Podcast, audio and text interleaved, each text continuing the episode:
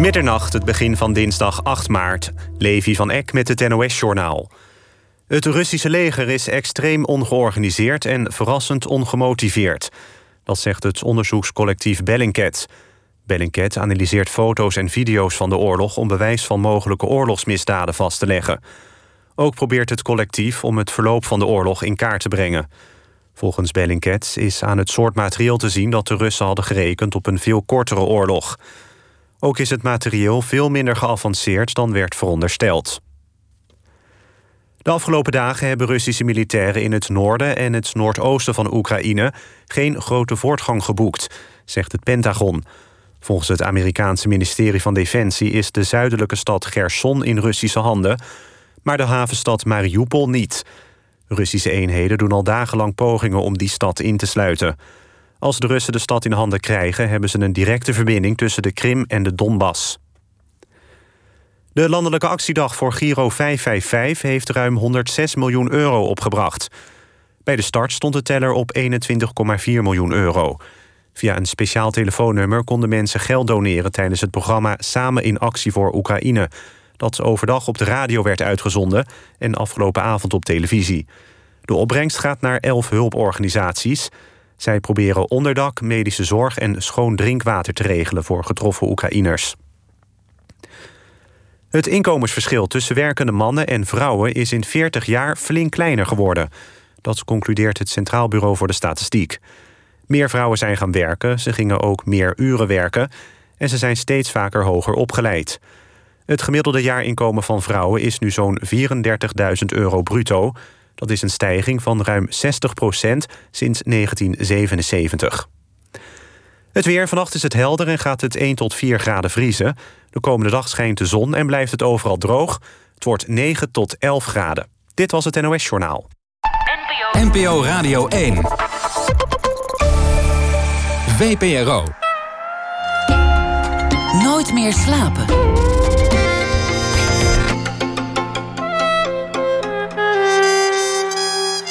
Met Pieter van der Wielen.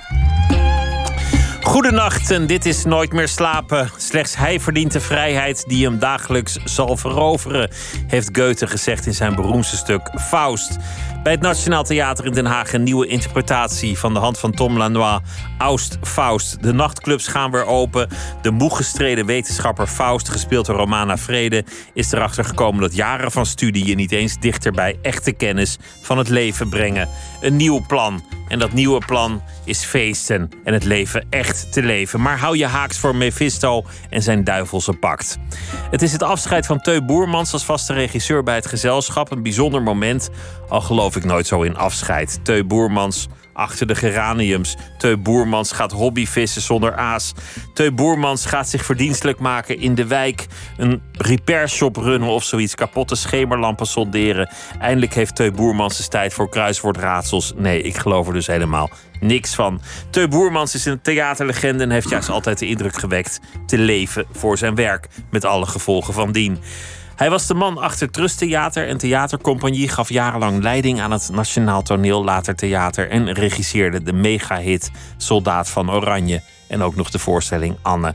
Teu Boermans werd geboren in 1950. Welkom Teu. Dank je. Dank dat je gekomen bent. Je, je bent verkouden, maar het is niet een gevreesde... Nee, het is het niet. Ik heb getest, ik ben negatief, maar het is gewoon een verkoudheid. En... Die bestaan ook nog. Leuk dat hij weer terug is, de verkoudheid. Ja, ja blijkbaar wel. Uh, dus ik heb... Uh, het druipt, dus ik, ik, hoop niet dat ik te veel hoef te hoesten.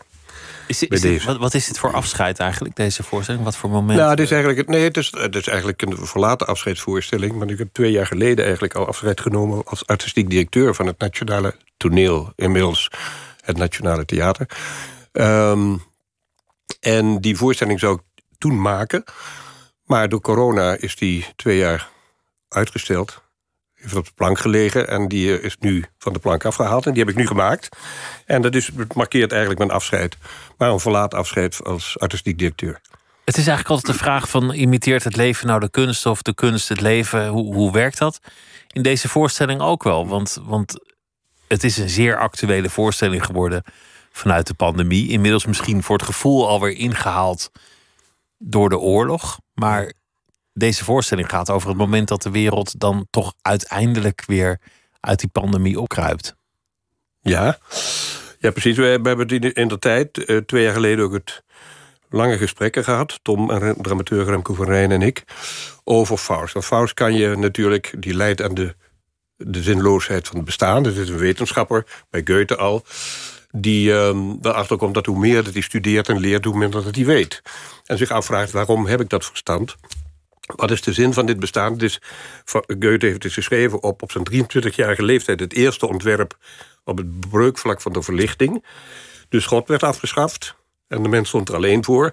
Dus die moet ook zijn morele codes en zijn goed en kwaad... en uh, alle parameters zetten waar, waar, die, hoe die moet leven. En dat veroorzaakte niet alleen bij Goethe... maar ook bij vele intellectuelen en kunstenaars in die tijd... een enorme existentiële crisis. Dat noemen ze de Kant-crisis. God is weggevallen, maar, maar wat, wat blijft er dan over? Waar moet je dan... Ja, dan bestaat er dus niet zoiets als, als waarheid. Alles is subjectief. En daar gaat die Faust over. Dus deze Faust, dus wetenschapper, leidt, daar, uh, leidt daaraan... omdat hij geconfronteerd wordt met de zinledigheid en de zinloosheid. Vraagt zich af, waar heb ik dat verstand voor nodig? En wil er een punt aan, aan, achter zetten. Denkt, dit red ik nooit, dit... En dan hoeft het voor mij niet meer. Beetje beetje Duitse. Een Duits, Duitse veel schrijvers hebben dat van Kleist, Buchner. Dat is een, in die tijd hadden daar. Uh, die hebben allemaal zelfmoorden uit. En dan, dan uh, sluit hij een pact met Mephisto. Die hem zegt. Je moet je ook niet zo druk maken over al die morele parameters en dat goed en kwaad. Je moet leven zoals, uh, zoals de natuur dat doet die kent geen moraal. Je moet, zoals de, je moet gewoon lekker erop losleven. Lekker je moet erop losleven, genieten. hedonistisch, et cetera. Je nergens wat van aantrekken, et cetera, en het genieten. En als je dat doet, als je je ziel aan mij verkoopt... dan krijg je daarvoor het eeuwige leven. Het enige wat je niet mag zeggen is... Uh, wat verboden is, om te zeggen... dit is zo'n fantastisch moment, kan dit blijven? Kan ik dit houden? Nou, hij wordt op die reis langs grote orgieën. En dat hele midden in dat hedonistische leven wordt hij toch verliefd op de onschuld in die tijd bij, bij Goethe. Uh, gespeeld door, door Greetje. En, um, en dan, wordt, dan wordt hij verliefd en dan maakt hij toch de fout om te zeggen van ik wil dat dit blijft. Die wil de liefde niet loslaten. Ja, ja. En dan zegt Mephisto dat gebeurt niet. Je gaat mee, we gaan door op die reis, want alles is aan verandering onderhevig. We gaan door, het leven zelf ook en jij ook. En um, Greetje is inmiddels zwanger en die uh, vermoordt haar kind. En dan eindigen we met deel 1 en pleegt ook zelfmoord. En, wordt, en in deel 2 wordt Faust dan, die zit heel erg met dat schuldgevoel. Een, hè, dat blijft een mens. Dus dat schuldgevoel kan Mephisto niet afnemen. En dan gaat hij op zoek naar een ander soort leven. En dat brengt hem eerst naar een leven waar het, de mensen verlost is van lijden en van pijn. En dan gaat hij het eerst zoeken in de antieke wereld. Uh, Goethe was een grote liefhebber van de Griekse harmoniegedachte. Tenminste, dat dacht hij dat het in Griekenland in die tijd dat dat daar te vinden was. Dus hij maakt een reis door Griekenland en ontmoet daar Helena. De mooiste vrouw ter wereld, die um, waar vele oorlogen over, uh, over, gevoerd zijn... maar die één ding nooit gedaan heeft. Die, is het mooiste, ze heeft nooit een kind gekregen. En dan, die stelt voor dat de intellectueel Faust en zij samen een nieuwe mens maken. En dat wordt de homunculus. En dat is eigenlijk een, een voorloper van artificieel leven. Een, een, mens, een nieuwe mens die ontdaan is van gevoelens... ontdaan is van lijden, ontdaan is van pijn... Maar um, ja, en die neemt nu, in dit geval, neemt hij de hele samenleving over. En die uh, verklaart de mens tot het virus. En die uh, schaft de mens af. En daar kan je vrijwillig naar overgaan, of niet. En Faust weigert dat. Want die denkt, ik heb alleen maar dat denken. Ik moet met mijn denken proberen um, het leven te verklaren. En verbreekt het pak met, met, met Mephisto. Het gaat dus eigenlijk over hedonisme. Moet je, moet je er lekker op losleven of moet je je leven in dienst stellen toch van iets hogers? Of het nou God is, nou, of de wetenschap, of de kennis, of de moraal. Ja, ja, nou ja je bent veroordeeld tot, tot, tot het leven. Je moet het leven zin geven op een of andere manier. Et cetera. Wat je daar, en hij als wetenschapper heeft daar zijn denken. In de, en de hoop dat, hij het ooit, dat het ooit verklaard wordt. En dat het lijden ooit oplost. En dat is natuurlijk een groot dilemma. En dat thema. Wat is het dilemma precies? Nou, het dilemma is dat, je, dat het lijden een onderdeel uitmaakt van het leven. En dat dat erbij hoort. En dat de dood hoort bij het leven. Ik bedoel, dat, dat geeft, die, die contrasten geeft, geeft het, het leven ook een waarde en een betekenis. Alleen, het is voor ons mensen natuurlijk uh, heel. Um, niet om er vrolijk van te worden, om te concluderen dat de betekenis van het leven in de dood ligt. Maar voor het leven zelf, in grote kansen en de hele evolutie. Ik bedoel, ook als, als een leven sterft, dan ontbindt het en wordt onderdeel van het grote leven. Van een beetje boeddhistische. Het leven als chemische reactie gaat door. Er zal leven zijn. Tuurlijk. tuurlijk. het leven leeft zichzelf. Niet zijn. Het leven leeft zichzelf. Alleen het leven van ieder mens is uh, kortstondig. Mm. En, en we dwalen hier op aarde en moeten dan proberen om daar zin en betekenis aan te geven. En mensen halen dat, doen dat met godsdienst bijvoorbeeld, eeuwenlang. Daarom zijn er godsdiensten, want die belooft een leven in het hiernamaals. En een beloning hierna voor dit aardse lijden. En als je daar dus op dat moment dat in die verlichting dat niet meer bestond, denken God afschafte, stond je plotseling voor die enorme lichten. En daar gaat Faust over. Die worsteling, daar gaat Faust over. En daarom is Faust ook een stuk van alle tijden, omdat het lijden doorgaat. Precies, omdat je natuurlijk dat, dat maar ook Kijk, dat was de aanleiding om deze Faust te doen. Dat in die. Dat die zinloosheid manifesteert zich iedere keer wanneer we in crisissen terechtkomen. waarin we met onze neus gedrukt, wordt, gedrukt worden op het, uh, op de, het relatieve van het leven. Zoals bijvoorbeeld nu met die COVID-pandemie. Dat, je, dat iedereen plotseling beseft hoe breekbaar het is. En Um, dat vele depressies daar ook uit voortkomen dat je teruggeworpen wordt op jezelf. En dat je niet uit kan gaan en afleiding kan hebben. Die worden ons allemaal ontnomen. Dus we zitten thuis, we komen, we komen onszelf tegen, et. En worden dan onder, onder dat alles ligt plotseling de vraag van wat doe ik eigenlijk? Wie, wie ben ik eigenlijk? Waar ben ik mee bezig? Wat wie ben ik in de wereld? Waarvoor leef ik? Wat betekent mijn leven? Deze voorstelling gaat over dat moment van, van de pandemie en het openen. Ik zou bijna nostalgie naar de pandemie krijgen nu uh, in, in deze oorlogstijd. Ik zou bijna denken, met, met, al die angst die over je wordt uitgestort... van nou, misschien wordt het wel een kernoorlog. We moeten ons bewapenen met, met al die retoriek om je heen. Je zou bijna denken, goh... Hadden we de pandemie nog maar.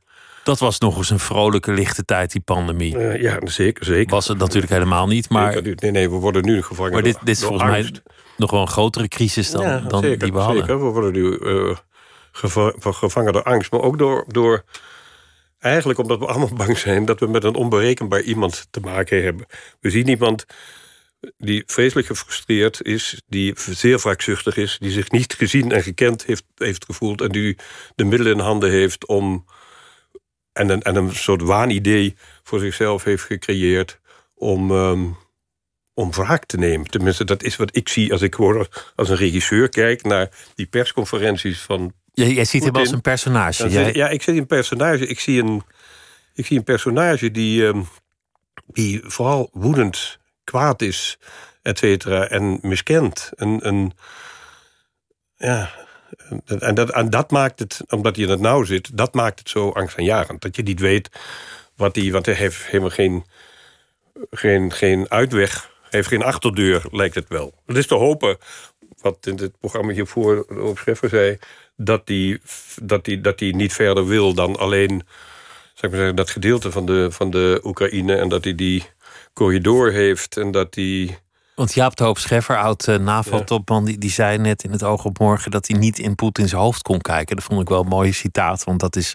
Nee, dat is ook zo. Dat en is natuurlijk waar iedereen nu tegenaan loopt. Dat je niet, niet echt in, in die man zijn hoofd kan kijken. De vraag is of je zelf in zijn hoofd kan kijken. Of hij überhaupt een plan heeft. Of hij gewoon hier altijd van gedroomd heeft. Ik zet die, ik zet die stap en ik zie wel. Wetende dat wij in het Westen nooit een, een, een, kernoorlog zullen uh, riskeren dus dat hij denkt, laat maar zien wat er gebeurt, hoe ver ik kom, waar het schip strandt. Beatrice de Graaf die zei in de krant: hij leidt aan een teveel van geschiedenis. Een te groot historisch bewustzijn. Dus je weet dan altijd wel van hoe het was en hoe het had moeten zijn... en wat je is afgenomen en welke veldslag ja, nee, ja, gewroken moet worden. Ja, ja, ja, hij heeft ook een, een, een, boel... Dat ligt een beetje voor de hand liggende uh, vergelijking. Maar het is, het, is hetzelfde, hetzelfde gezien als, als Hitler had... met het verliezen van de Eerste Wereldoorlog. In die persoonlijke frustratie... dat bijna als een persoonlijke vernedering ervaren. En vanuit die wraakzucht, et cetera... die hele carrière als een motief, als een motor nemen... om, uh, om, om, om dat te herstellen. En dat heb je met Poetin waarschijnlijk... met, met de, invallen van de Sovjet-Unie ook zo... dat er een soort persoonlijk motief zit... waar hij jarenlang mee bezig is geweest... Om, en dat zijn missie is om dat te herstellen. En daarvoor vervals je de geschiedenis natuurlijk. Ik bedoel, dat Hitler ook en dat doet hij ook. Um, want de Oekraïne is al veel uh, ouder. En, en natuurlijk is de Oekraïne ook altijd wel een deel van Rusland geweest. Want in de stukken van Tsjechov komt het veelvuldig voor... dat personages uit de Oekraïne komen. Um, maar vind, je het een interessant personage, Poetin? Nou, het is... Ik, ik, ik, ik, ik zie als theater. Ja, ja, nou ja, ja, ja, het, is, het, is, het is interessant om, om erachter te komen hoe, zo, hoe iemand geworden is zoals hij is. En um, dat zit, kom ik weer terug bij Faust. Mephisto is eigenlijk ook dat, is, dat wordt dan als het kwaad gezien. Maar dat is in wezen zijn alle personages in het Faust een afsplitsing van Faust zelf. Het is een ideeënstuk. Dus Faust discussieert en praat met zichzelf. Zo is de Wakener, die bij ons Strauss heet... de jonge wetenschapper, is de jonge Faust... die nog vol hoop en ambitie zat en geloofde in de wetenschap... en dat het leven ooit beter zou worden... en dat het grote wereldgeheim ooit ontdekt zou worden. Die hoop is Faust nu kwijt. Um, Mephisto is in wezen een hele sarcastische, zwartgallige, depressieve zelfmoordgedachte die die uh, het moet allemaal ophouden. Het, heeft allemaal, het is allemaal zinloos. We moeten in een grote, uh, grote hedonistisch festijn moeten we ons uh, doodfeesten. Zodat het ophoudt. Omdat het is zinloos. Dat komt voort uit de woede tegenover die metafysiek die niet antwoordt daar, daar, daar, daar is een ontzettende de onrechtvaardigheid. De, de, dat, dat het, het motief van het leven zich maar niet God, openbaart. God antwoordt antwoord niet. Dat is dat. Ik bedoel, in de originele Faust van Goethe zit ook een gesprek tussen God en, en, en Mephisto, die eigenlijk een gevallen engel is. Er zit een discussie. Dat is een tweede discussie. Er zit een een, eerst een, toespraak van een theaterdirecteur... die de mensen waarschuwt dat het allemaal maar toneel is. Dat was blijkbaar in die tijd nog nodig. Vervolgens komt er een, een quizgesprek tussen God en tussen uh, Mephisto... en een weddenschap tussen die twee. Omdat Mephisto zegt, ik krijg die Faust zover. Ik krijg die ziel van Faust. Let op, dat ga jij verliezen. De man, de mens, is geneigd tot het kwade. En God zegt, nee, dat is niet zo. De mens is geneigd tot het goede krijg ik de kans om, uh, om het uh, te proberen. Dus ga je gang, zegt uh, onze lieve heer. En, um, en Mephisto gaat het werk.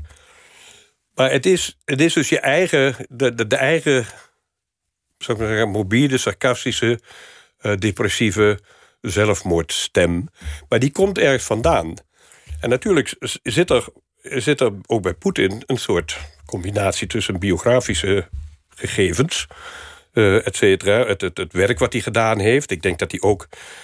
Kijk, die KGB, waar hij lid van was... dat is natuurlijk een amorele organisatie. Die staan boven de wet. Dus daar is hij in opgevoed. Dat is hem ontnomen. Ik geloof dat hij zelfs gezegd heeft... dat hij toen de Sovjet-Unie uit elkaar met de taxichauffeur is geweest of zo. Dus hij is met dat gevoel... dat hij boven de wet staat... En dat, het, eh, eh, dat mensenlevens niet uitmaken. Ja, ja dat, dat niet alleen. Maar dat hij, dat hij ook zelf dat je. Nou ja, het feit dat hij wat hij tijdens sowieso altijd gedaan heeft, tegenstanders elimineren en, en zo, dat is crimineel, is het in principe. Die aan de macht is. Normaal heeft een land een geheime dienst, maar hier heeft een geheime dienst een land. Een clubje van, van, van de restanten van de geheime dienst uit de Sovjet-Unie heeft een land overgenomen. En, en vindt zichzelf boven de, boven de wet staan. En bedenk dan deze jarenlang deze um, dit, dit, dit, deze gevoel of deze ambitie... dat dat moet worden weer toen zij... Uh, dat de Sovjet-Unie eigenlijk terug moet komen... en zij in die functie waren, dat het gerechtvaardigd was. Dat maar, ze boven maar de als je het hebt over de kwetsbaarheid van het leven... dan, dan wordt hier nu elke dag stevig ingezeept. Dat, dat, dat een of andere idioot besluit raketten te schieten... en dat kan dan mensen het leven kosten. Dan, dan was er verontwaardiging over dat er toch carnaval werd gevierd. Dat er toch feesten waren. Over bepaalde muziek die toch gespeeld werd. Dat gaat eigenlijk over die Faustiaanse discussie. Moet je dan nu je leven in het, in het hogere ten dienst stellen?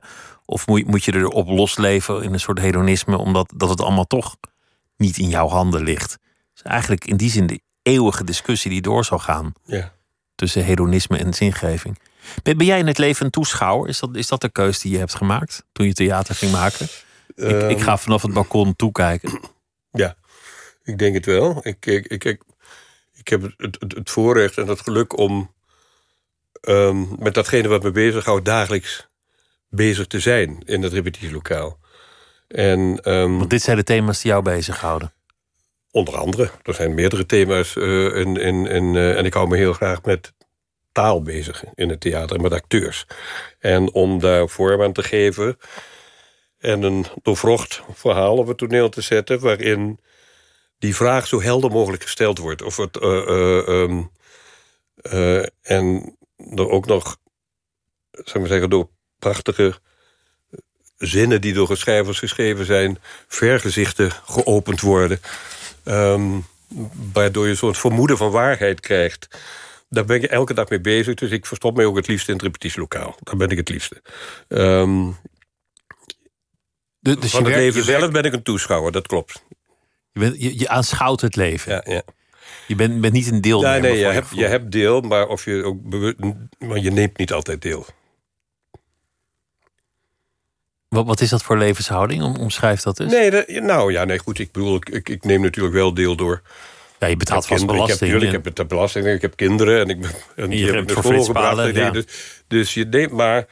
Um, je staat er met één been in en één been, en één been buiten. En dat heeft. Dat is ook soms lastig. Zeker voor mensen waarmee je leeft. Um, en ik, ik, denk, ja, ik heb het vermoeden dat. Dat ik observeer om het te kunnen gebruiken. Dat is enerzijds ook. Maar omdat er ook een soort. Uh, reserve zit tegenover. Of eigenlijk een constant gevoel van. Um,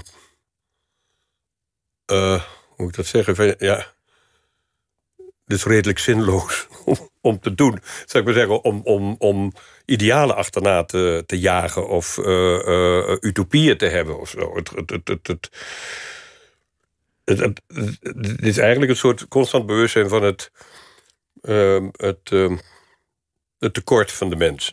Dat je voortdurend weet dat, dat achter alles zit toch altijd mag toch altijd de dood, zou ik maar zeggen. Dat, dat hoeft niet tot depressie te leiden, et cetera. Want het, het geeft me ook de mogelijkheid om, de, om, om alles in het leven te relativeren.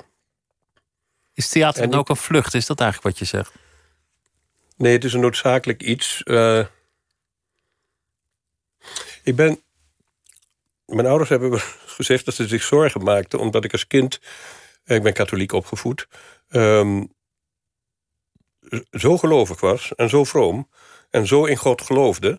Uh, uh, dat ik hem tijdens het middageten, als ik thuis kwam, ook met de benen uit de wolken zag uh, zitten bungelen. Et. Dus ik, en ik herinner me ook dat de heilige mis en zo, dat, dat samen zijn in een zaal in, in een kerk. En dat hele ritueel, ook al begreep ik dat niet, in dat Latijn dat ik me daar enorm geborgen voelde. Omdat dat namelijk betekende. Dat, dat, daar lag de zin. Dat was het. Dat ritueel, dat was waar het leven om ging. En uh, dus ik fantaseer dat ook lustig op los over onze lieve Heer. En er is zelfs um, op mijn, nou ik moet 15, 15 zijn geweest of zo, is er zelfs een, een priester uit, ik meen, Rolduc of Serenberg, bij ons thuis gekomen... omdat hij mij, uh, mijn ouders hadden die ontboden om mij te testen op mijn roeping. Omdat ik dat uh, geroepen had dat ik uh, priester wilde worden. Of missionaris zelfs wilde worden. Nou, die bleek toch niet zo... Zo diep gelovig zo, Ja, was, bleek dat ook, ook niet te zijn. Het had... Um, Maar ja, dat, dat, dat had, dat, bij navraag bleek het erg te maken te hebben met de fantasie die ik had... dat ik in de donkere wouden van Afrika um, kleding ging brengen... en de mensen ging helpen.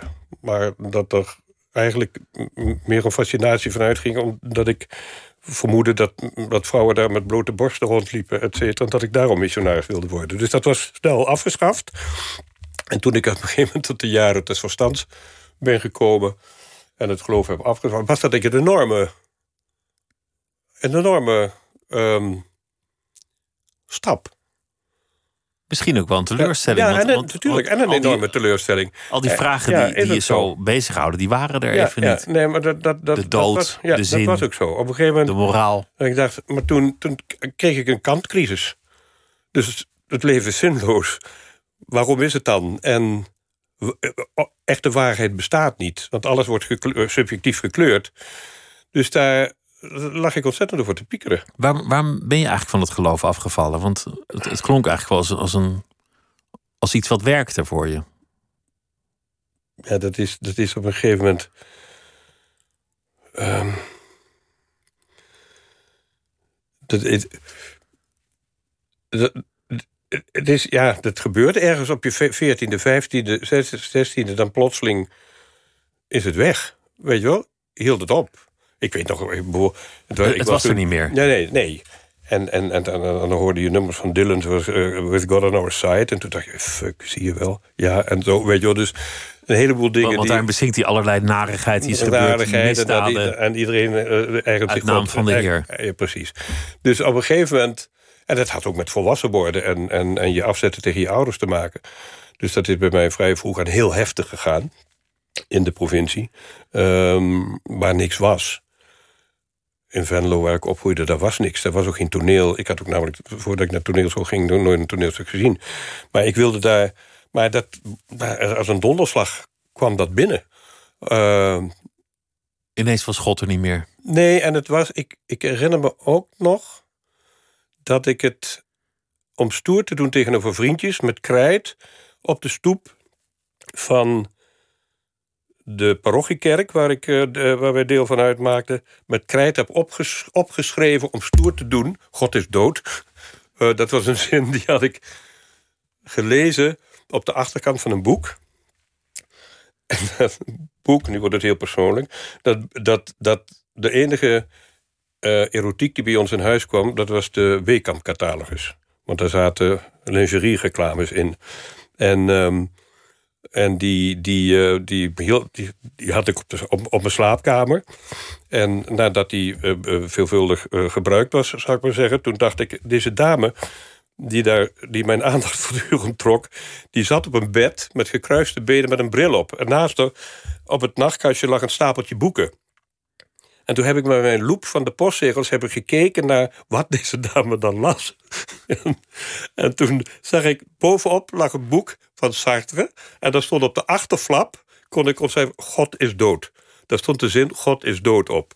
En dat was wat was ik, 15 of zoiets. Dus van, van de lingerie, zo'n stoere... Zo'n met, stoere, met doorschijnende tepels kon je, kon je zo naar God is dood in, in één en dat vond ik zo'n stoere zin... dat ik daarmee um, mijn klasgenoten kon chockeren. Dat was al heel wat. Dus dat... Uh, en, en, en, zodoende ging dat. Zo, zo gingen die dingen. Er kwam van alle kanten kwam er van alles binnen. Maar, maar je was toch nooit naar het toneel geweest... en je, en je ging toch naar de toneelschool, de theaterschool. Oh. Ik vind het ook wel interessant, omdat je kan de kerk ook gewoon zien als een, als een toneelvereniging. Dat is natuurlijk waarom ik het hele verhaal vertel. Uiteindelijk heb ik, denk ik, in, dit, in dat theater... die um, uh, een alternatief daarvoor gevonden. Want in wezen is de kerk natuurlijk ook in de verlichting... is, is, is het theater ontwikkeld als een soort kerk voor, de, voor, de, voor verlichte mensen. In, in, in al die, uh, met name die Duitse um, hertogdommen... En, en, en die allemaal een eigen theater wilden. Goethe en Schiller hebben dat ook als zodanig ontwikkeld. Die hebben dat een opgericht. Een soort kerk voor atheïsten. Ja, nou, nou ja, goed, ik bedoel... Na, na de verlichting werden door al die Duitse schrijvers... werden werden stukken geschreven over deze dilemma's, deze morele dilemma's. Hoe moet dit leven? als je, niet, als je God uh, in de kast zet, hoe moet dat dan? En dan gaan alle stukken van, van, van Goethe, van Schiller, van Büchner, van Kleist... daar gaat die hele literatuur van na de verlichting over. Dat is het fundament van die Duitse cultuur. Die wordt ook nog steeds onderwezen op die scholen. Die worden in de theaters ook nog steeds gespeeld. En daarom is dat ook dat het jouw favoriete nou ik, kom, eh, nou, ik kom uit Venlo. Ik heb een Duitse grootmoeder. Mijn vader had Goethe in de, uh, en, en, en Grabbe en die in, in, de in zijn boekenkast staan. En ik heb die daarna, ook in die tijd, ook vrij vroeg, snel ben ik gaan lezen. Um, eigenlijk toen dat kwam, heb ik mij eigenlijk wat er, te, wat er te vinden was, dat las ik. Maar in Venlo kwam geen. Daar was wel een, een, soort uh, patronaatsgebouw, maar er kwamen geen grote voorstellingen. Dus ik had nog niet echt theater gezien. Maar mijn vader was voor de oorlog. Mijn vader is een soort, was een soort streekschrijver. Een soort, soort Simon Kamichelt van Midden-Limburg. Die, um, um, en die schreef veel. En die was altijd ver weg, die ging altijd vissen. Die was van nooit, omdat hij dat zat te schrijven. Omdat in een gezin, in een, in, in, in een gezinswoning met vijf kinderen, was dat natuurlijk lastig. Maar die was zelf ook al dat, je, dat hij niet echt deelnam. Omdat hij altijd aan het schrijven was. Het, en die heeft voor de oorlog, was die, regisseerde die en was die lid van een semi-professioneel revuegezelschap in Venlo. Dat had, je, dat had je in Venlo. En dat was heel succesvol. Daar, kwamen heel, daar speelde hij in, dat regisseerde hij en daar schreef hij voor.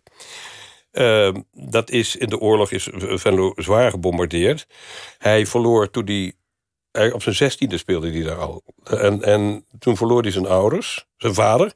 En nee, zijn moeder overleed. En die vader was oud. Die kon die kinderen, vijf kinderen, hadden ze niet alleen opvoeden. Toen werden die kinderen allemaal verspreid over andere gezinnen. En hij moest geld verdienen voor zijn, uh, voor zijn broertjes en zusjes. En hij wilde naar de toneelschool. En op dat moment brak de oorlog uit. En toen is hij in de oorlog met mijn moeder getrouwd. En vijf jaar later was het momentum voorbij. Toen had hij twee kinderen. Ze hebben één kind in de oorlog verloren. Toen twee kinderen kwamen ze de oorlog mee uit. En toen moest hij geld verdienen. Toen was dat voorbij. Dus eigenlijk heb jij je vaders droom ja, nagejaagd. Toen, ja, hij heeft mij ook geattendeerd op die toneelschool. Want ik had geen idee. Ik las wel, maar ik, dat was nooit in me opgekomen. Want er werd na de oorlog bijna... Ja, er werd bij ons thuis wel toneel gespeeld. En er werd veel... Bij iedere verjaardag werd er van alles ingestudeerd. Maar omdat je daar je beroep van te maken... is het nooit meer opgekomen. En toen ben ik naar... Toen heeft hij me naar de... Ik probeer dat eens. En toen ben ik daar naartoe gegaan. En toen was ik verkocht. Wanneer wist je dat je het kon? Dat is ook maar een vraag. Je kan, je kan iets wel willen, maar dan moet het ook nog kunnen. Dat zou ik je zeggen. Ik, uh, ik, ik ging naar die oriënteringscursus om gewoon eens te kijken. Er was, was een week lang kreeg je les van de docenten die er les gaven. En ik had nog nooit wat gedaan. En ik, ik kwam daar en ik had MULO, geloof ik. Want ik, ik wilde niet deugen op de, op de middelbare school. Daar heb ik drie verschillende scholen afgestuurd. Omdat ik waarschijnlijk ADD had of zoiets dergelijks. Maar niet kon, kon, dat bestond officieel nog niet, maar... er niet. Maar uh, me niet kon concentreren. En het waren de jaren, uh, wat was het, uh, 60, 70, 68, 67, 68. En um, dus ik heb met, met een, een vriend samen...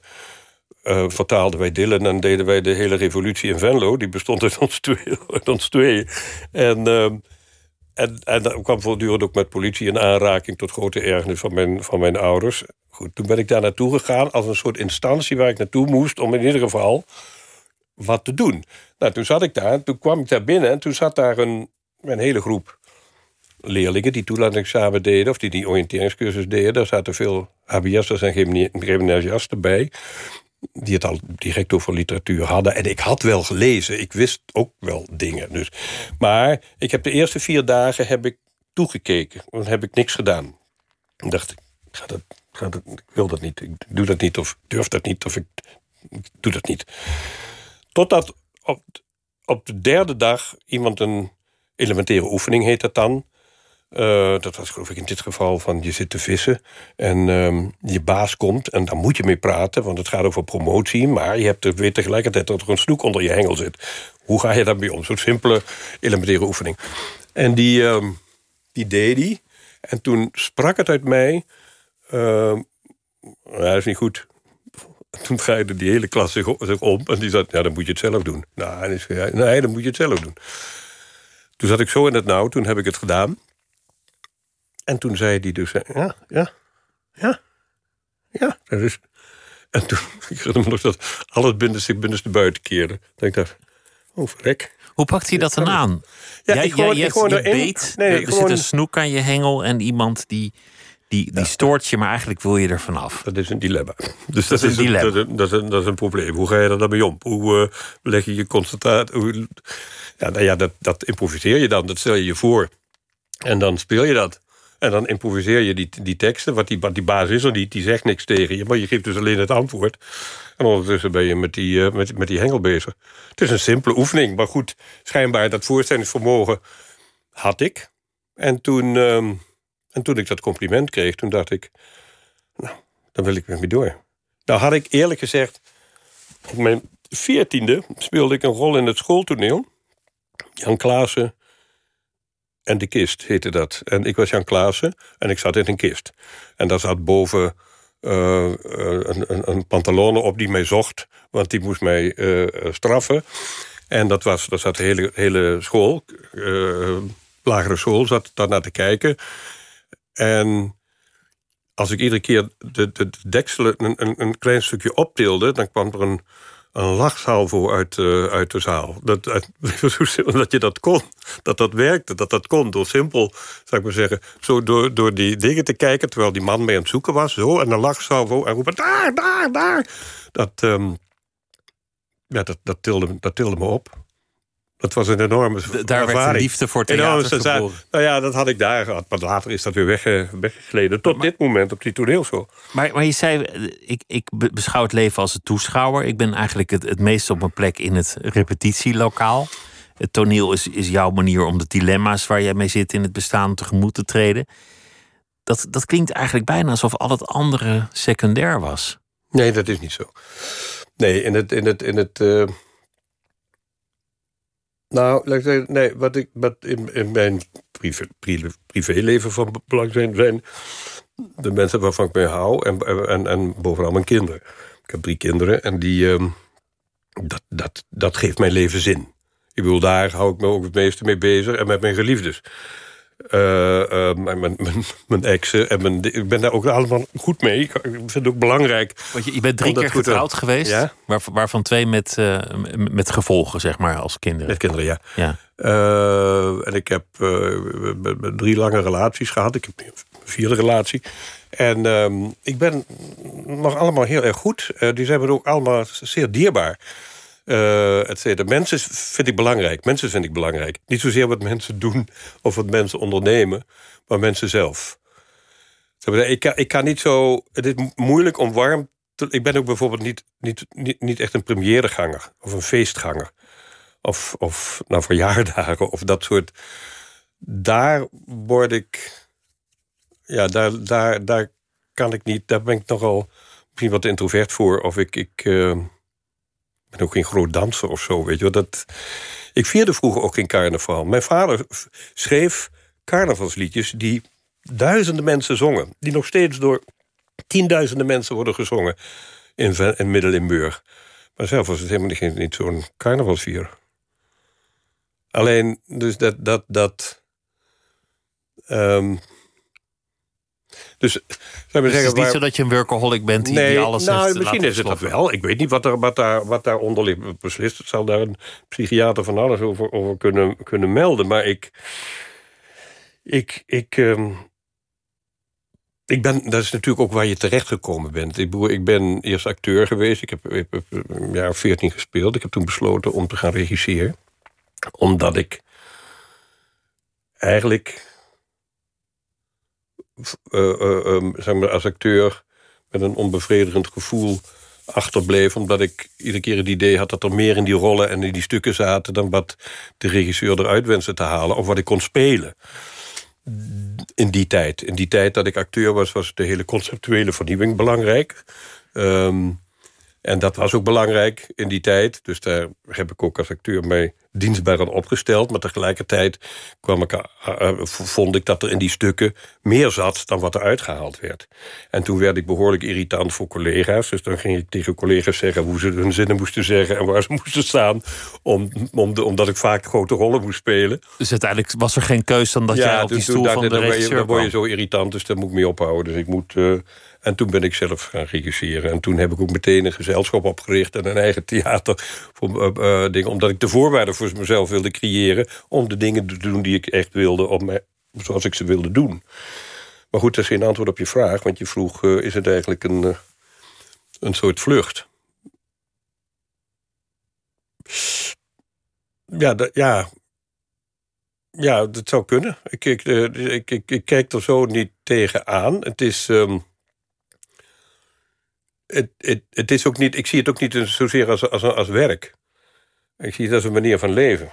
Het is natuurlijk het is ook lastig met het kunstenaarschap. Begrijp je? Om dat te scheiden. Het is niet zo, ik ga de deur uit, ik ga het repetitielokaal in... en dan ga ik aan het werk. Daarbuiten ben je ook voortdurend bezig met om na te denken en, en, en te lezen. En... Het gaat er eigenlijk altijd over. Ja. Ja. Het is een beetje Dylan's Neverending Tour. dat, dat, uh, dat is het, ja. ja. Hebben je kinderen tegen je aangeschopt? Um, ja, zeker. Um, mijn oudste zoon is, uh, is um, televisieregisseur. Die maakt series zoals Mokromafia en dat soort dingen. Een bijzonder getalenteerde. Die maakt totaal wat anders dan wat ik maak. En willen het liefst ook grote commerciële blockbusters, actiefilms maken, blockbusters maken. Dat is een, dat is een manier van, van zich afzetten tegen mij. Hij is veel meegeweest naar, naar uh, dingen. Hij heeft, hij, heeft, hetzelfde als ik. Hij heeft ook, heeft ook een soort zal ik maar zeggen, hij werkt ontzettend graag. En hij doet dat graag en hij kan het goed. En hij is uh, uitermate getalenteerd.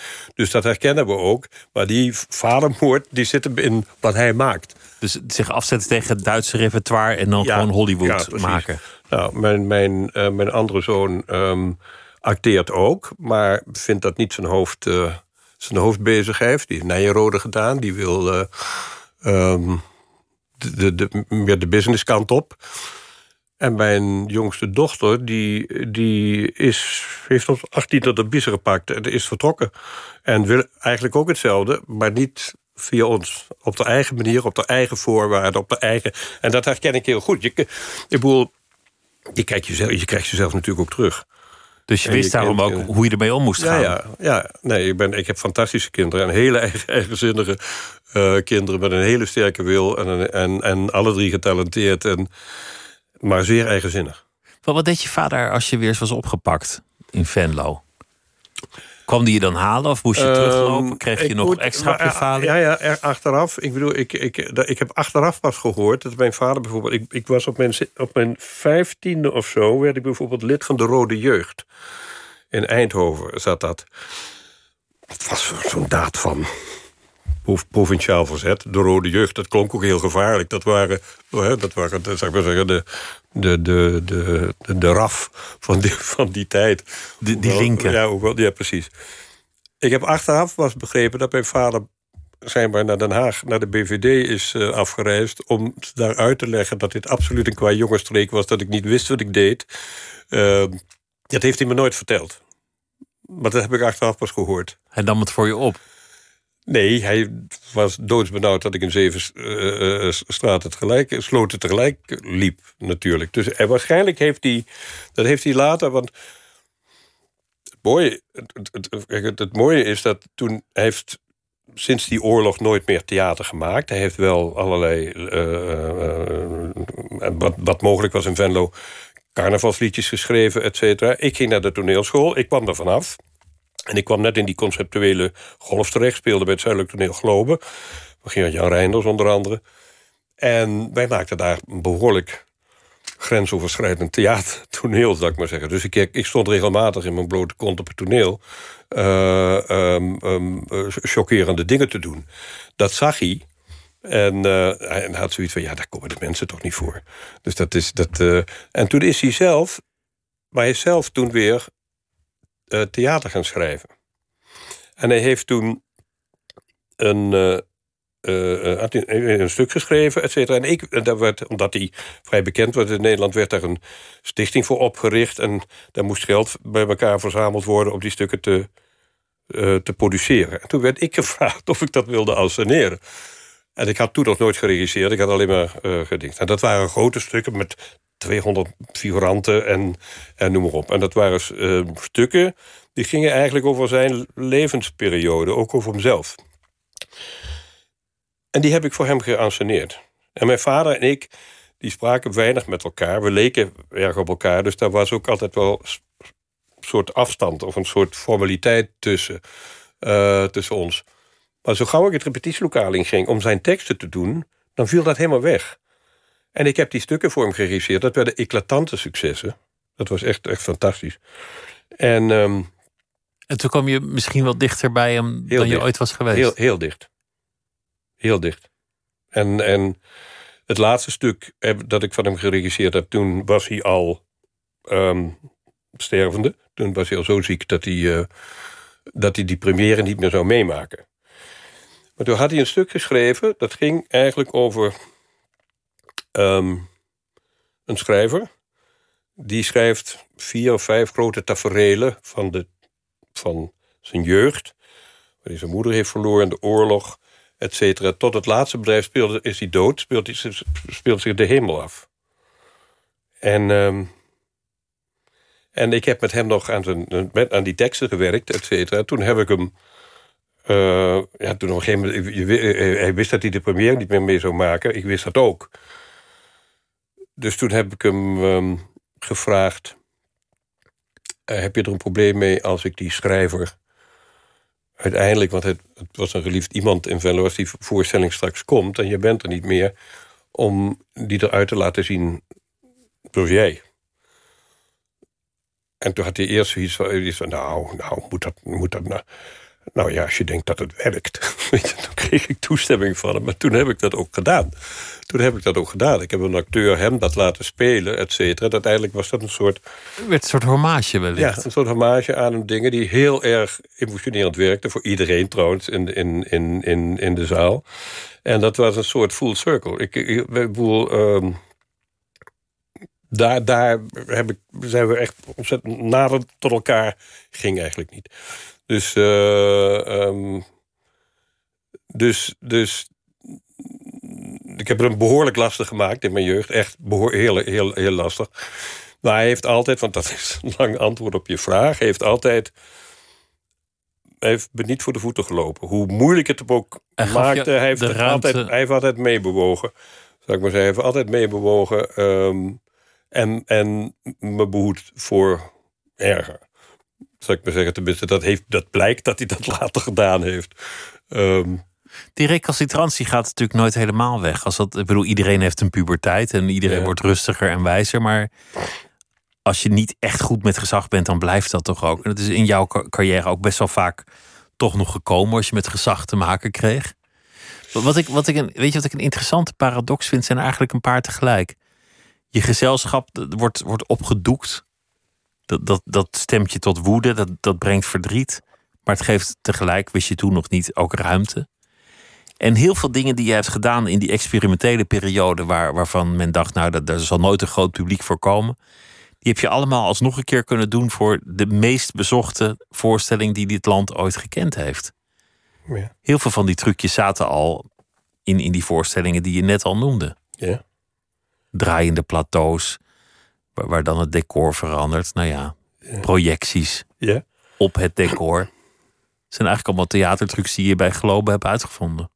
Nee, bij, bij de Trust heb ik die, uh, die draaischijf bij Globe. Maar heel veel wat ik in Soldaat uh, gebruikt heb, heb ik inderdaad eerder uitgetest. Of eerder, eerder geprobeerd. Of dat zijn stijlvormen of... of uh, nou ja, kijk, die, die, dat, dat, kijk, grenzen zijn om ze op te zoeken, om er tegenaan te bonken en wanneer het nodig is, door uh, ze te slecht of eroverheen te gaan. Ik bedoel, dat, dat, dat is eerder iets... Ik verveel me nogal snel, zou ik maar zeggen. Dat ik iets werking moet krijgen in de zaal. Dat het binnen moet komen bij het publiek. Um, waardoor je dat doet. En maar dat zit ook vaak in de stukken besloten. Ik bedoel, als je dan Hamlet doet, of van, van, van, van, dat zijn vaak. Alle grote literatuur zijn vaak extreme dilemma's. Eigenlijk basisdilemma's van. van uh, uh, dus daar, dat, dat, daar kan je niet aan onttrekken. Daar moet, je, dat, daar moet je je toe verhouden. En daar moet je een vorm voor vinden. En een vorm die jou verrast, die je nog niet gezien hebt. En dat is het zoeken naar. Waar je stappen zet, wordt het grond, zou ik maar zeggen. Dat is dat je jezelf ook moet verrassen. Want anders dan denk je, ja, als je, als je begin, het begin van het repetitieproces uitvoert wat je al hebt. Ik heb steeds meer. Ik heb, vroeger, toen ik regisseerde, wilde ik van mijn decorontwerker precies dat hebben, dat hebben, zus hebben, zo. En dan voerde ik dat uit. En dan dacht ik, ja, dat hebben we uitgevoerd. Tegenwoordig zit ik met mijn eh, creatieve team, met een decorontwerper, kostuumontwerper, dingen, et cetera. Leg uit waar dat stuk over, voor mij over gaat. Wat belangrijk is. En zeg, nou, ga maar jongens. En dan komen ze terug met iets waarvan ik zeker weet dat als ik een kersentuin van Tsjechov doe... dat ik van die decorontwerper alles krijg, maar geen, geen, geen tuin. Begrijp je? En, en, want ik krijg dan verschillende. ook verrast ik krijg dan verschillende invallen en dan word ik verrast en dan moet ik me daartoe verhouden. Dan zeg ik: wil ik dit of wil ik dat niet? Als ik onzeker word, dan wil ik het. Want dan moet ik in het repetitielokaal al die dingen bij elkaar brengen. En één en één wordt dan drie en vier. En dan ontstaan er nieuwe dingen. Dus je creëert als het ware problemen voor jezelf. Ja, zodat je. Ja, precies. Om, om, ehm, om zelf ergens anders te komen. er, dat er iets gebeurt, dat er iets nieuws gebeurt. Wat ik zelf ook niet verwacht had. En dan moet je natuurlijk wel bijsturen en bij dingen. En dan krijgen die dingen betekenis. Wil het wat worden? Want een voorstelling wil ook zelf ergens, ergens naartoe. Maar met, met Soldaat van Oranje hebben ze je echt moeten overhalen. En je bleef maar nee zeggen. Je had er aanvankelijk totaal geen zin ja, in. Maar dat had heel simpel te maken met het feit dat ik. Ik werd gevraagd op het moment dat uh, ik de grote slagpartij van uh, Zijlstra. Ja, Zijlstra heette die. Ja. Die, die, uh, ook mijn, mijn, ja, ja, mijn subsidie kwijtraakte. En ik was in een proces verwikkeld. Ik was daartegen in beroep gegaan. Dat heb ik uiteindelijk ook gewonnen. Tot bij de Hoge Raad, omdat ik dat onrechtvaardig vond. En name ook dat het vond voor de podiumkunsten zich daarvoor leende, voor die slagpartij. En daardoor motivaties had moeten uh, vinden die kan nog wel raakte. Dus ik, ik had het ook redelijk makkelijk. En de rechter en de Hoge Raad die hebben ook, uh, ook gezegd van ja, dit kan helemaal niet. Dus ik zat nog in die procedure. Dat betekende dat ik het geld, uh, mijn geld zou kunnen behouden. En ik wilde niet het risico lopen dat ik dan elders aan het werk was. Tegelijkertijd was ik ook gevraagd om artistiek directeur bij het Nationaal Theater te worden. Mocht het niet, mocht ik die, die rechtszaak verliezen. Dus ik heb, en, en, maar het allerbelangrijkste was toen ze bij me kwamen met Soldaat van Oranje, om daar een musical van te maken. Toen dacht ik, nou, ja, ik heb niet zoveel met music, ik heb dat nooit gedaan. Ik ken dat jargon niet. Ik was ooit door Joop van der Ende benaderd om uh, te doen. En toen kon ik niet. Toen heeft Ivo van Hoven dat gedaan. Um, dus ik had er niet zoveel mee. Um, dat ik dacht, ja, waarom? En Soldaat van Oranje, ik herinner me die film waar. Moet dat? Waar, waar is dat nodig? Ik bedoel, maar toen heb ik gezegd van oké, weet je wat, ik lees het boek. En ze, ze hadden me gezegd, we doen het in een hal. We, hebben een open end nodig, dus we doen het in een hangaar in, um, in uh, Katwijk. En toen herinnerde ik me, dat heb ik toen ook gezegd ter plekke. Um, oh, ik heb ooit een voorstelling gemaakt. En mijn eerste voorstelling was in een hangaar. Met die van Paul Galles. En toen heb ik het publiek op een draaischijf gezet van 300 man. Dat ging over de Sturm und Drang. Dat ging over Goethe, Schiller, Klinger. De Beatles van de romantiek. En die voorstelling is, uh, die heb ik toen gemaakt. En dat was toen een moeizaam iets, want die techniek moest die, die, draai, die 300 man ronddraaien. Dus dat ging niet echt snel. Maar goed, en die voorstelling is nooit in première gekomen... omdat er een ongeluk gebeurd is. Goed, maar dat vertelde ik toen als... Uh, als uh, nee, toen, nou goed, toen zijn ze gegaan. Toen heb ik um, tegen die procent... Ik heb het boek gelezen.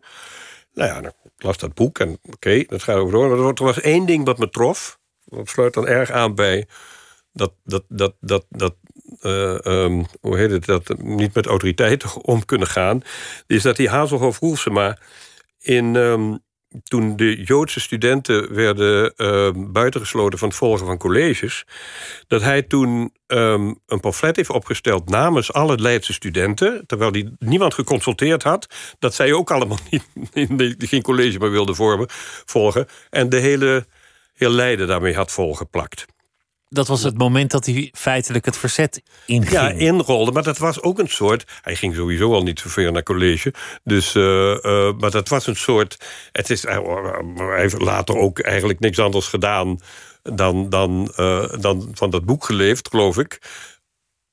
Ik had jaren daarvoor had ik een televisieserie gemaakt, De Partizanen. Dat ging over verzetstrijders in Midden-Limburg. Die mannen die had ik allemaal geïnterviewd. En toen bleek, toen, toen heb ik een les geleerd dat mannen die in het verzet gingen, of jongens die in het verzet gingen, dat waren jongens die eigenlijk onder normale omstandigheden ook al niet deugd, zou ik maar zeggen. Omdat ze Dus je herkende iets van jezelf waren. Ja, precies. En die, dat, dat herkende ik. Die, dat, zo'n daad herkende ik. Toen dacht ik, oké, eh, als we van carte blanche kunnen beginnen... dan wil ik helpen met het ontwikkelen van het script. Dan wil ik het script weer opnieuw Maar ontwikkelen. Het, het is uiteindelijk, ik snij een stukje af, maar 2,5 miljoen mensen zijn, zijn gaan kijken naar die voorstelling. Ja. Dat, dat is toch nog steeds onze nationale mythe, denk ik, hè? Ja, op het moment dat ik het maakte, want het is natuurlijk ook dankzij het feit dat, eh, dat met name eh, dat, dat van die producent dat geld ter beschikking kwam van degene die dat heeft betaald en zag, eh, ook die beslissing nam toen ik hem, toen de maquette klaar was en ik hem vertelde wat ik van plan was, toen, toen heeft hij gezegd: Oké, gaan we doen. Heb ik nog gezegd: Zou je het niet eerst eens even uitrekenen? Nee, we gaan het doen. En toen hebben we het gedaan, toen wist ik... En toen heb ik ook gezegd, dan moet ik het ook zelf doen. Want inmiddels had ik, het, had ik met Edwin de Vries het script, et cetera, zodanig ontwikkeld... dat ik dacht, ja, het zit zo in mijn hoofd hoe dit moet functioneren... dat, dat ik dat ook niet aan iemand anders kan overlaten. Dus toen heb ik het ehm, zelf gedaan. En ik wist toen we ermee bezig waren dat dit nog niet vertoond was. Deze manier van vertellen, omdat het eigenlijk tussen toneel en film in zit. Je kan sneller monteren, et cetera, wanneer je het publiek ronddraait. Eh, ik wist dat het wat bijzonders zou worden. Maar kijk, dat zakelijk inzicht ontbreekt mij ook. Ik bedoel dat, dat, dat het zo zou gaan lopen... en dat het bijna een soort perpetuum mobile... Dat had, dat, ja, dat had ik niet kunnen, dat had ik niet kunnen verwachten. Normaal maak ik voorstellingen... en dan denk ik er niet over na. Ik bedoel, die, die, die gaat de die samenleving in. En, dan, en dan- en die, ja. die, die, die, ja, dan doet de samenleving daarmee. Ben je er trots op? Ja, maar niet trots. Jawel, maar niet trotser dan op andere voorstellingen. Niet vanwege de enorme aantallen eh, eh, bezoekers die daar. eh, dat ben ik ook met een monoloog die ik voor. die misschien voor een zaal van 30, eh, 10 keer voor een zaal van 40 man gespeeld wordt. Omdat er eigenlijk, zou ik maar zeggen, dezelfde, dezelfde toewijding en werk en concentratie in gaat zitten. Dat, maar, dat, dat, daar, daar zit het niet in. Het zit niet in het. Belangrijke van Soldaat van Oranje vind ik dat die voorstelling ergens over gaat. Dat het gaat over. Dat wilde ik ook absoluut, want anders dan weet ik niet waarom ik dat doe. Dat het gaat over het maken van keuzes. Wat gebeurt er wanneer Joodse studenten worden buitengesloten van college? Wat doe je dan? Wat gebeurt er wanneer hier in Nederland mensen van een andere godsdienst of dingen worden buitengesloten? Hoe solidair ben je dan? Hetzelfde probleem wat we nu natuurlijk met de Oekraïne meemaken. We storten ons niet in een, in een oorlog of, eh, eh, met Rusland, omdat we dan zelf het haasje zijn wanneer er een atoomoorlog. Dus we moeten het zelf uitzoeken. Het feit dat ze geen NATO-land zijn, is natuurlijk in moreel opzicht alleen maar een voorwendsel. Want het feit dat er gewoon mensen sterven daar en gebombardeerd worden, zou reden genoeg moeten zijn om je eigen leven in de waagschaal te stellen. En dat denk ik, maar dat doen we niet. Misschien, over dat misschien toch ook wel verstandig, ethisch Uiteraard verwerpelijk. is dat, da- uit- uiteraard zijn we daar, is dat, is, is dat verstandig. Aan de andere kant, ik bedoel wat er in de Tweede Wereldoorlog gebeurde. Je ziet, je ziet in Soldaat van Oranje al die verschillende houdingen die je kan aannemen, verdeeld over al die personages, wanneer de Duitsers binnenvallen en Joden worden weggedeporteerd. De een werkt aan zijn scriptie. Werkt aan zijn scriptie door. De andere is fout. De andere is, uh, is, is fout. De, de, de, de volgende is verzetstrijder. De vierde hangt er tussenin. Dat zijn allemaal posities die je kunt innemen. Of de toeschouwer. Ja. Teu Boermans, dank je wel dat je langs wilde komen. Het uh, stuk over Faust is te zien bij het Nationaal Theater. En dit was Nooit meer slapen. Tot morgen. NPO Radio 1. Wie luistert, weet meer. NPO Radio 1.